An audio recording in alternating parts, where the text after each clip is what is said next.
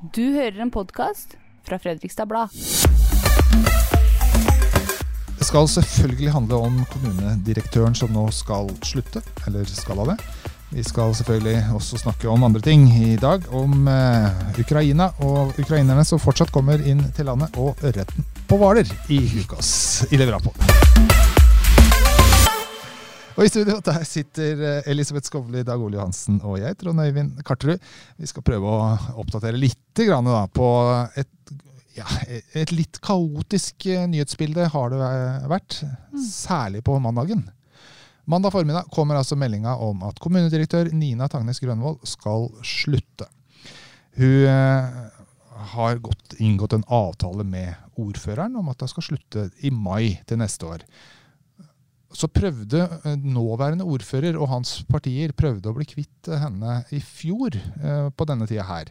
I desember i fjor så var det et mistillitsforslag mot Nina Tagnes Grønvold. Det betyr Det betyr at hun ikke, hvis eh, bystyret hadde sagt vi har ikke tillit til deg, du må slutte. Ja.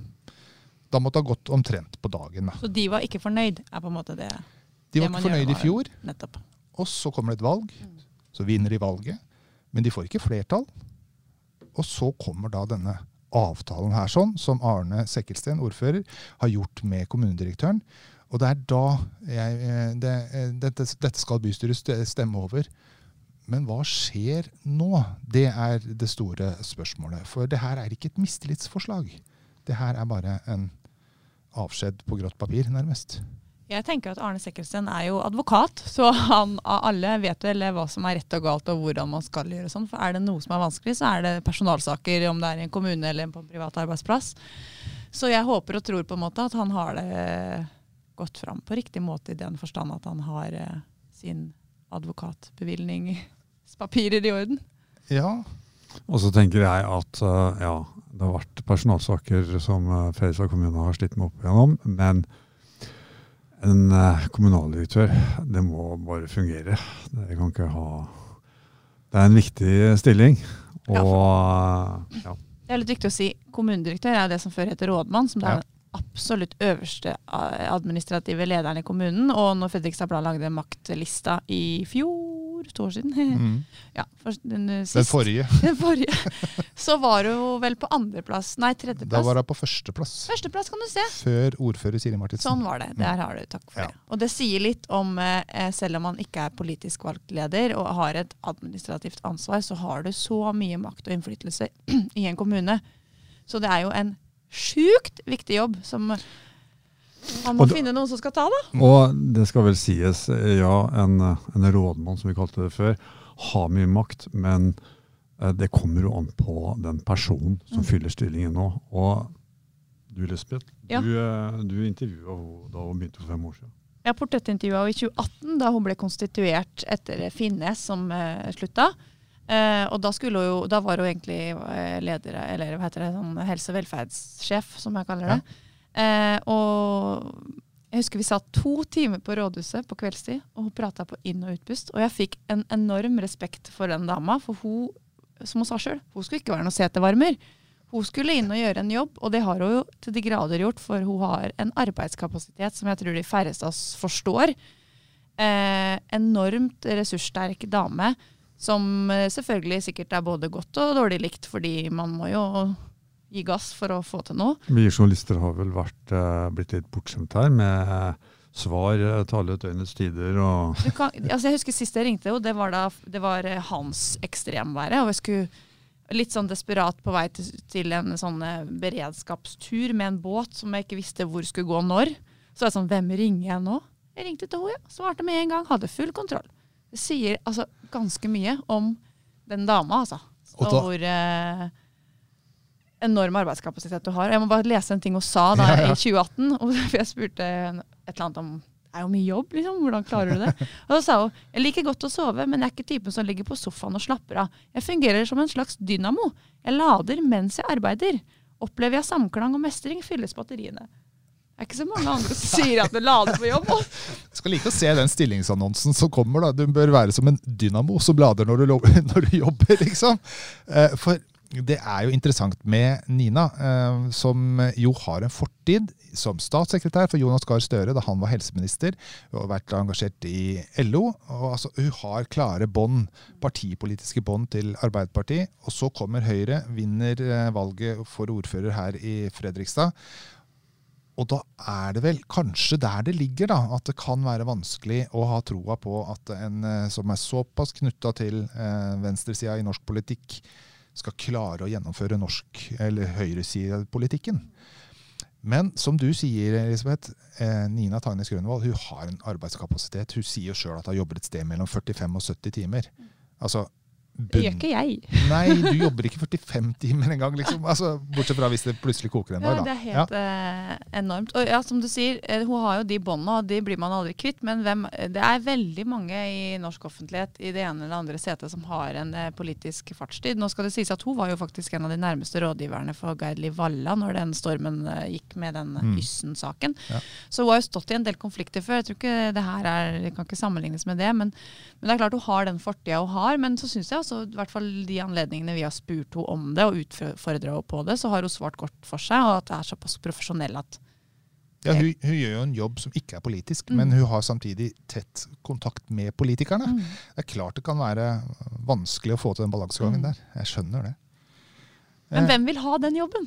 Altså, jeg tenker, som du sa, Hva skal det stå i den stillingsannonsen? Hei, vil du jobbe livet av deg? Dette er stillingen for deg. Er vi har ingen penger, vi har ingen handlingsrom. Du må kutte, kutte, kutte. du er den øverste lederen for jeg vet ikke hvor mange ansatte. 6000. Mm. Og et budsjett var det på nå? 8, Cirka 8 milliarder. 8 milliarder. Ja. Og du må jobbe døgnet rundt, uh, uka rundt, uh, helst. Og ja, jeg tror ikke du gjør det for pengene. Fordi Nei. du kan uh, i det- ja, På det sjiktet der så kan du få atskillig godt bedre betalte jobber uh, for den samme arbeidsinnsatsen. Absolutt. Og så kan du si spennende, da. I alt fra som du sier, å være den største arbeidsplassen i Østfold, med alle de ansatte man har, og alle de Mm. personalsakene og alt det der, til økonomi, til politikk. Altså, du må og selvfølgelig må du jo Du har jo, hun har jo sjefer under seg som du må sette i sving. Men jeg tror også hun har vært en person som liker å ha hendene på mye og ha kontroll. Men eh, det må man jo også da, hvis man skal holde en kommune flytende i 2023, hvor penga renner ut. Og så tror jeg ingen eh, annen eh, toppleder i Fredrikstad har så mye mediekontakt som eh, hun har hatt.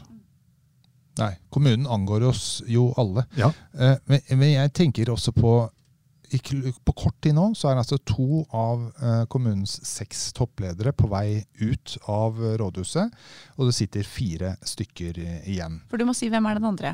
Ole Sverre Strand han har altså sjefen for eh, økonomien. eh, Som nest viktigste, da, kan man kanskje ja, si på mange du kan måter. kanskje tenke at han kunne ha fylt rollen hennes eh, enten permanent eller mens de jakta på eh, en annen, hvis han hadde ønska det. Men hva med de fire som sitter igjen, som nå skal altså eh, jobbe med Nina, som skal sitte på eh, en seks måneder lang oppsigelsestid? Mm. Det er jo noe med det òg, hvis du skal gjennomføre et kontroversielt vedtak nå. F.eks. at du skal en, ja, kutte ja. Eller kutte i en eller annen bevilgning. Som, en av disse, som går utover en av disse direktørene. Ja, Men hvorfor skal de i det hele tatt gidde å bry seg så veldig mye Ja. om det, når hun er på vei ut døra? Jeg tror hun har såpass mye Jeg vet ikke om hun har, jeg håper at hun har såpass mye respekt og, og øh, er en sånn person at hun, hun klarer det, tror jeg. Det virker det som meg, for hun er som jeg har sagt helproff, liksom. Men det er jo de andre, da, som du sier. Eh, det å sitte med en leder som du vet skal slutte, det må være ganske spesielt. Og i hvert fall i en så viktig stilling. Ja. I en så stor kommune med så mange utfordringer. Ja, jeg er forundra over eh, måten dette her har eh, skjedd på. At eh, Arne Sekkelsten har bare tatt først uformell, et uformelt møte med henne før han ble ordfører, og deretter et formelt etterpå. Uh, Silje Waters har sagt det er ikke ordføreren som har arbeidsgiveransvaret for kommunedirektøren her, altså Silje Waters fra SV. Det er det bystyret som har. Og at det er noe i hele prosessen her sånn som jeg håper vi får flere svar på. Men eh, det spørs, da. Nå lukkes jo dørene når eh, denne avtalen her skal behandles. Vi setter streken der så enn så lenge for eh, Nina Tagnes Grønvold. Det kommer sikkert til å bli uh, snakka om her eh, også ved andre Vi får, anledninger. vi får, kanskje noen nye svar eh, etter eh, Formannskap og bystyre. Ja. For eh, la oss ta en titt på den eh, lille verdensbyen og det som skjer ute i den store verden. Der er det veldig mange tragiske konflikter, krig. Eh, Og ukrainerne de kommer fortsatt til Norge i stort monn, Elisabeth. Du har møtt noen av dem. Ja, det var faktisk eh, i våren 2022, altså rett etter at Russland invaderte Ukraina, så eh, ville vi jo selvfølgelig snakke med noen av de som var de første som kom til Fredrikstad. Egentlig kommer det jo mange av dem til ankomstsenteret i Råde, men denne familien var ganske spesiell fordi hun, eh, ha, eh, mammaen i familien hadde vært eh, au pair i Balsfjord eh, når hun var ung, kunne norsk, Ja. og sa vi reiser til Norge. Jeg prøver å sette i gang noen eh, til å hjelpe oss med det. Eh, I utgangspunktet så satt de seg i bilen hjemme i Ukraina, kjørte fra huset sitt med noen kasseroller i baksetet og fire barn. Og det var det, Og egentlig. det var det. De trodde de skulle bo på et, eh, ja, et slags eh, eh, hva heter det, flyktningmottak i Polen noen uker til krigen var over, og så skulle de hjem igjen. Nå bor de i Norge, snart bodd her i to år. Er en fantastisk familie, ressurssterk. Det er mor og far og fire barn. Pappa fikk lov å være med å flykte, fordi loven sier at hvis du har flere enn tre barn, så får han være med. Og jeg har møtt de flere ganger litt for å belyse at de er blant oss, og, Mm. og hvordan det er å komme til et land som ikke er ditt eget, når du egentlig vil, ikke, når du egentlig vil være hjemme. Da. Mm. Eh, så møtte jeg de forrige uke, og da, nå står de jo i en splitt da, hvor eh, de fire barna har begynt på skole og i barnehage, på fotballag, fått seg venner, og vil ikke tilbake. Så de har bestemt seg for at nå må vi bo i Norge. Åssen var det for dem å komme fram til den beslutninga der? Nei. Tingen er at Mammaen og pappaen ville jo egentlig tilbake, fordi de har begge sine mødre og andre øvrig familie fortsatt i Ukraina og følger veldig med på krigen da, av det. Og de har jo huset sitt der, som de har bodd i 15 år. Alle tinga sine, eh, livet sitt, jobbene sine, ikke sant, egentlig. Men nå har det gått snart to år, og det er på pause, og de ser at nå har jo barna, som da måtte rives opp fra det, etablert seg her, Mm. fått et godt liv, har det veldig fint. Norge er jo lykkelandet å komme til. Så de har på en måte latt barnas øh, liv da, veie tyngst og bestemt seg for å bli her. Og det som er litt rart, er jo at nå skal de selge huset sitt i Ukraina. Fordi de har fått penger av Husbanken, det er jo de i Norge som hjelper deg hvis du ikke har så god råd, til å kjøpe seg noe, for hittil har de jo blitt bosatt av kommunen. Nå skal den familien på seks ha fått 3,5 millioner av Husbanken for å kjøpe seg en bolig. Det er jo ikke så veldig mye. Så selger de huset sitt til Ukraina fordi de bor i, mot, eh, i midten mot eh, Moldova. Moldova, Mm. hvor det ikke er krig. Så de som egentlig er, bor i øst, der hvor det nå er krig, de flytter til den, Mm. det området. Så de kan få solgt huset. Det er jo solgt veldig huset. tragisk, egentlig. Så men det er, liksom, det er trolig internt fordrevne Mm, ukrainere som er kjøpegruppe Ja. på dette huset. Det leier noen av dem nå, som er det. Og så vil de selge deg. Og det er jo veldig sånn øh, vanskelig å ta inn over seg når de begynner å snakke om De hadde jo et helt vanlig liv der. De var veldig øh, De var ikke fattige, ikke rike, men hadde jobber, hadde skole, dro på ferie. Det er jo oss, ikke sant? Du kan si øh, Jeg får veldig en sånn Kjenner deg veldig igjen da, i at det er en helt vanlig familie som plutselig bare måtte sette seg i bilen og kjøre uten å vite hvor lenge eller hva du skulle ta med deg. eller hvor det Og, Du skulle. og livet skjer. Hun har fire barn, og etter drøyt halvannet år så er bare forutsetningene andre. Og, Og nå snakker alle norsk, er norske. Hun går på eh, skole, han har fått seg en jobb fordi han har en eh, god utdannelse som er som innen IT, da, som Norge trenger. Men så kaster du liksom litt skygger over livet deres, da, at de ikke egentlig får reise hjem. Så nå er det, men så sa hun da, for hun hadde vært, hun mammaen Tanja hadde vært hjemme i sommer, i august, i huset for å besøke mora si og sånn. Og da hadde hun bare grått og sett når hun så på det huset at det er jo ikke her vi bor. Vi bor jo der familien er, liksom. Og det som var nesten verst, var at hun sa Ukraina, det, nå er alt bare grått. Alle er grå i ansiktet. Ingen livskraft, ingen energi. For du har stått i en krig i to år og ikke ser noen utvei. Nå er det jo helt fastlåst. Og så kommer de i skyggen av en ny krig. og det hjelper ikke om det er sommer. Ingenting. Det var august, som hun sa. Egentlig en nydelig måned. Ikke noe- Det var helt grått. Så i dag skal jeg faktisk på ankomstsenteret til i Råde og besøke de som For det kommer jo fortsatt 1000 Tenk cirka, Ja. i uka.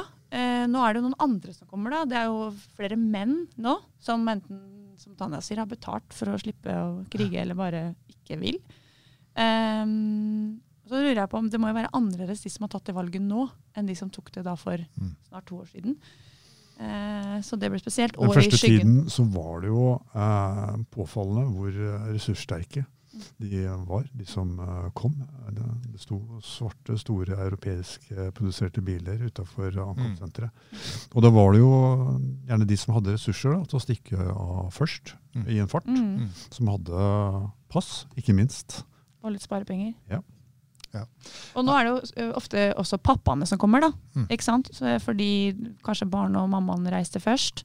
Og nå ser de at situasjonen blir jo ikke noe annerledes, så nå må pappa komme òg, liksom. Kan Men- ikke være der for alltid. Men bare for Tanjas søster. Hun har jo altså mannen sin fortsatt i Mm. Ja. krigen i Ukraina. Mm. Søstera har flytta til eh, Norge. Søstera flytta også til Norge og bor i Mosjøen med barnet eller barna sine.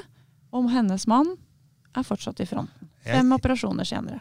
Jeg skjønner ikke hvordan de klarer å holde egentlig livsmotet oppe. Ja, altså. eh, og vi har tatt imot 300 ca. i Fredrikstad i løpet av halvannet år. Og vi skal fortsette å hjelpe dem eh, også når de kommer. Norge er jo et populært eh, land. Nei, Det har kommet snart 70 000 til Ja, Norge ja. siden invasjonen altså, starta. Det er ganske mange. Altså. Det er hele Fredrikstad. Fredrikstad liksom. Mm. Ja. Så Eh, veldig bra at du holder kontakt med den familien der, eh, Elisabeth. Vi gleder oss til å høre. Jo, jo, men samtidig så er jo Fredrikstad den lille verdensbyen, eh, og verden skjer. Og vi får verden inn eh, hit hos oss, og vi må bli minnet om det. For å ta noe som ikke er en annen et annet tema som fikk en del oppmerksomhet i det siste, det er langt mer lokalt, men samtidig.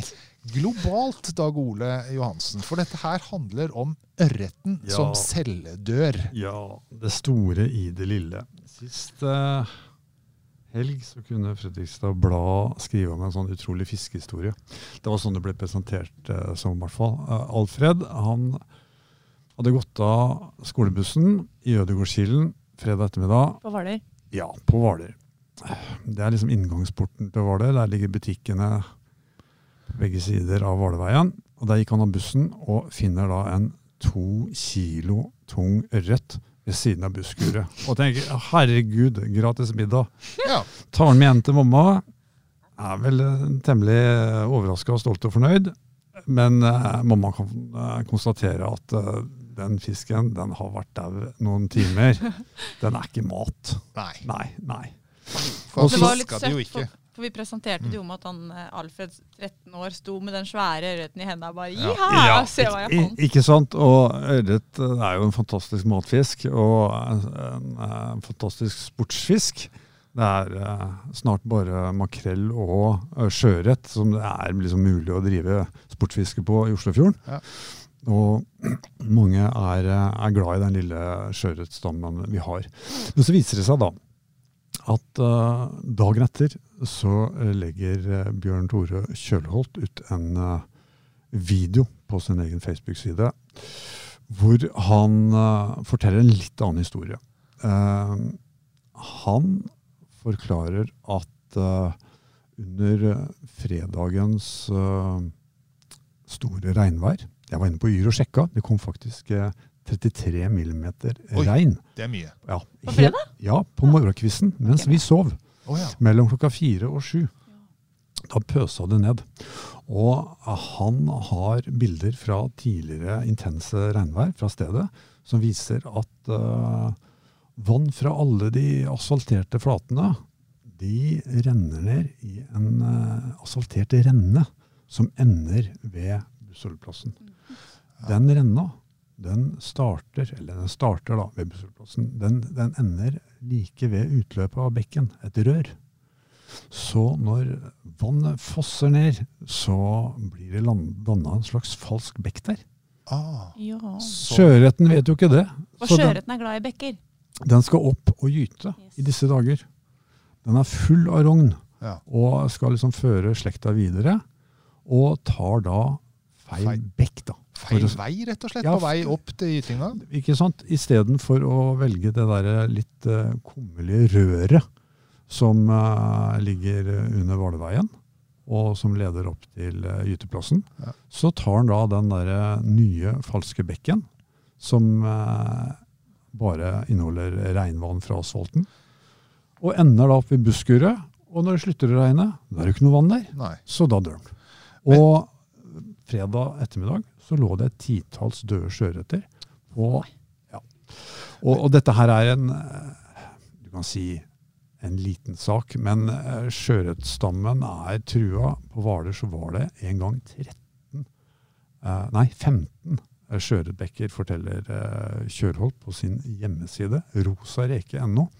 Han er liksom eh, ja, ja, men han er liksom sjøørretens store beskytter, da. Og nå er det ni tilbake, og nesten ingen har en eh, god bestand, altså gode forhold for sjøørreten. Og når noe sånt uh, her skjer, så kan vi skjønne hvorfor. Og så er det jo et uh, lite bilde på den store situasjonen da, om Mhm. at Oslofjorden uh, er død. Eh, det er jo ikke akkurat eh, noe å juble for. Og så kan du si sånn ja, men det er jo bare ørret. Men eh, alt eh, skal jo ha et liv. Vi lever jo i en Ja, og På engelsk Verden. er det et uttrykk som heter 'death by a thousand needles'. Altså eh, Du dør, men det er ikke noen sånn svære, svære slag du får. Det er bare de der masse små skadene som utføres, litt etter litt Mm. etter litt. Og eh, Kjølholt peker da på den jobben som blir gjort eh, på P-plassen der for eh, to år siden. Asfaltert. Asfaltert og heva. Ja. Og så øh, lagde man den renna, da. For den var jo grei, den, for å få bort øh, vannet på en kontrollert måte. Men så er det ingen som har tenkt på effekten, da. Men da kan det jo hende at eh, nå er denne historien bedre kjent. Kanskje det blir graving i området for å gi bedre veier til ørreten. Det er vel egentlig nesten bare det som er den eneste løsningen. Poenget Jeg holder på å skrive en sak nå, og, og det virker som at uh, hver gang det gjøres noe i forbindelse med et vassdrag der det går uh, det som på fint kalles anadrome laksefisk, sånn som øh, sjøørret, laks osv., Ja. så skal ekspertene inne hos sta- statsforvalteren i Moss konsulteres. Ja. Fordi eh, det kan gå bra, det kan gå dårlig, og de skal få uttale seg. Og ofte så skal jo penger brukes uansett, og da kan du like gjerne bruke penger på en sånn måte at uh, f.eks. sjøørreten får det bedre heller enn verre. Men eh, det høres jo litt trist ut, men det er ikke bare trist, for det er litt grann håp helt på slutten her. sånn. Ja, jeg spurte jeg, jeg, er spurte, trist. jeg spurte Kjølholt, liksom, er, det- er det liksom kroken på døra Er det verre nå enn det var for noen år siden? Nei, det går riktig vei, sa han. Og ikke minst så skyldes det Kjølort uh, sjøl. hans forening Rosa Reke har de to siste åra uh, restaurert uh, den eneste bekken innenfor nasjonalparken. Eh, det er uh, Ja. Spjærbekken. Den var uh, Den fikk liksom dødsstøtet for, eh, for to år siden. Da ble den ut, veien ved siden av utbedra av Statens vegvesen. Det ble bare lagt en grøft. Og da var det liksom ha det bra til den. Men så uh, mobiliserte eh, Rosa Reke og gode krefter, Sparebankstiftelsen osv. Og, så og nå er det altså nesten en kilometer der med ny, fin gytebekk. Åh, ille bra. Folk, altså. Det er noen som skulle hatt en julerose eller noe annet som uh, noterer det. Eller for eksempel en julekule, for å ta et eh, veldig sprang fra ørret til jul her. Ukas ille bra-spalte. Det må jo bare rett og slett være eh, 3101 julekuler. Jeg veit ikke. Hvor mange har du, Dag Ole? Jeg har ingen, Nei. men jeg, Må du bo med, deg, Ole? jeg, jeg, jeg vet jo at så fort de tre megakassene med halloweenpynt er rydda Og du har tre megakasser med halloweenpynt! Ja da. Å, ja da, ja da. Uh, hun er halvt amerikansk og Å, ja. feirer deretter. Så, så venter bare er det sju eller åtte svære Å, kasser med julepynt. Da får du trent Sånn at eh, eh, Ja, det er en mental øvelse hvert år. Du slipper å gå på crossfiten du, den dagen dere skal uh, til jul, for du må De- opp og ned med de De, eskene. de er på loftet Ja. og skal ned. Ja. Men den jobben jeg gjør, er ingenting mot den eh, jobben Karin Elisabeth Torp. Torp har gjort siden 1994. Da begynte hun å samle på julekuler. Og Nå er det Guinness rekordbok. er helt Ja. konge. Det er jo veldig kult å ha ei Fredrikstad-dame. ja, Ja, så tenker jeg, det er, folk er alltid sånn, hva skal jeg samle på? Før samler folk på pins, og man samler på shotteglass, og hva er det man ikke samler på, liksom. Men genial idé å samle på julekuler. og hvis du liksom tror at det bare er å gå på Nille og så kjøpe liksom Nei. fire ulike Å ja, nei. Nei, nei. Det er strenge regler. Har du over 3000 ulike julekuler? Forskjellige. Å, Ja. herre...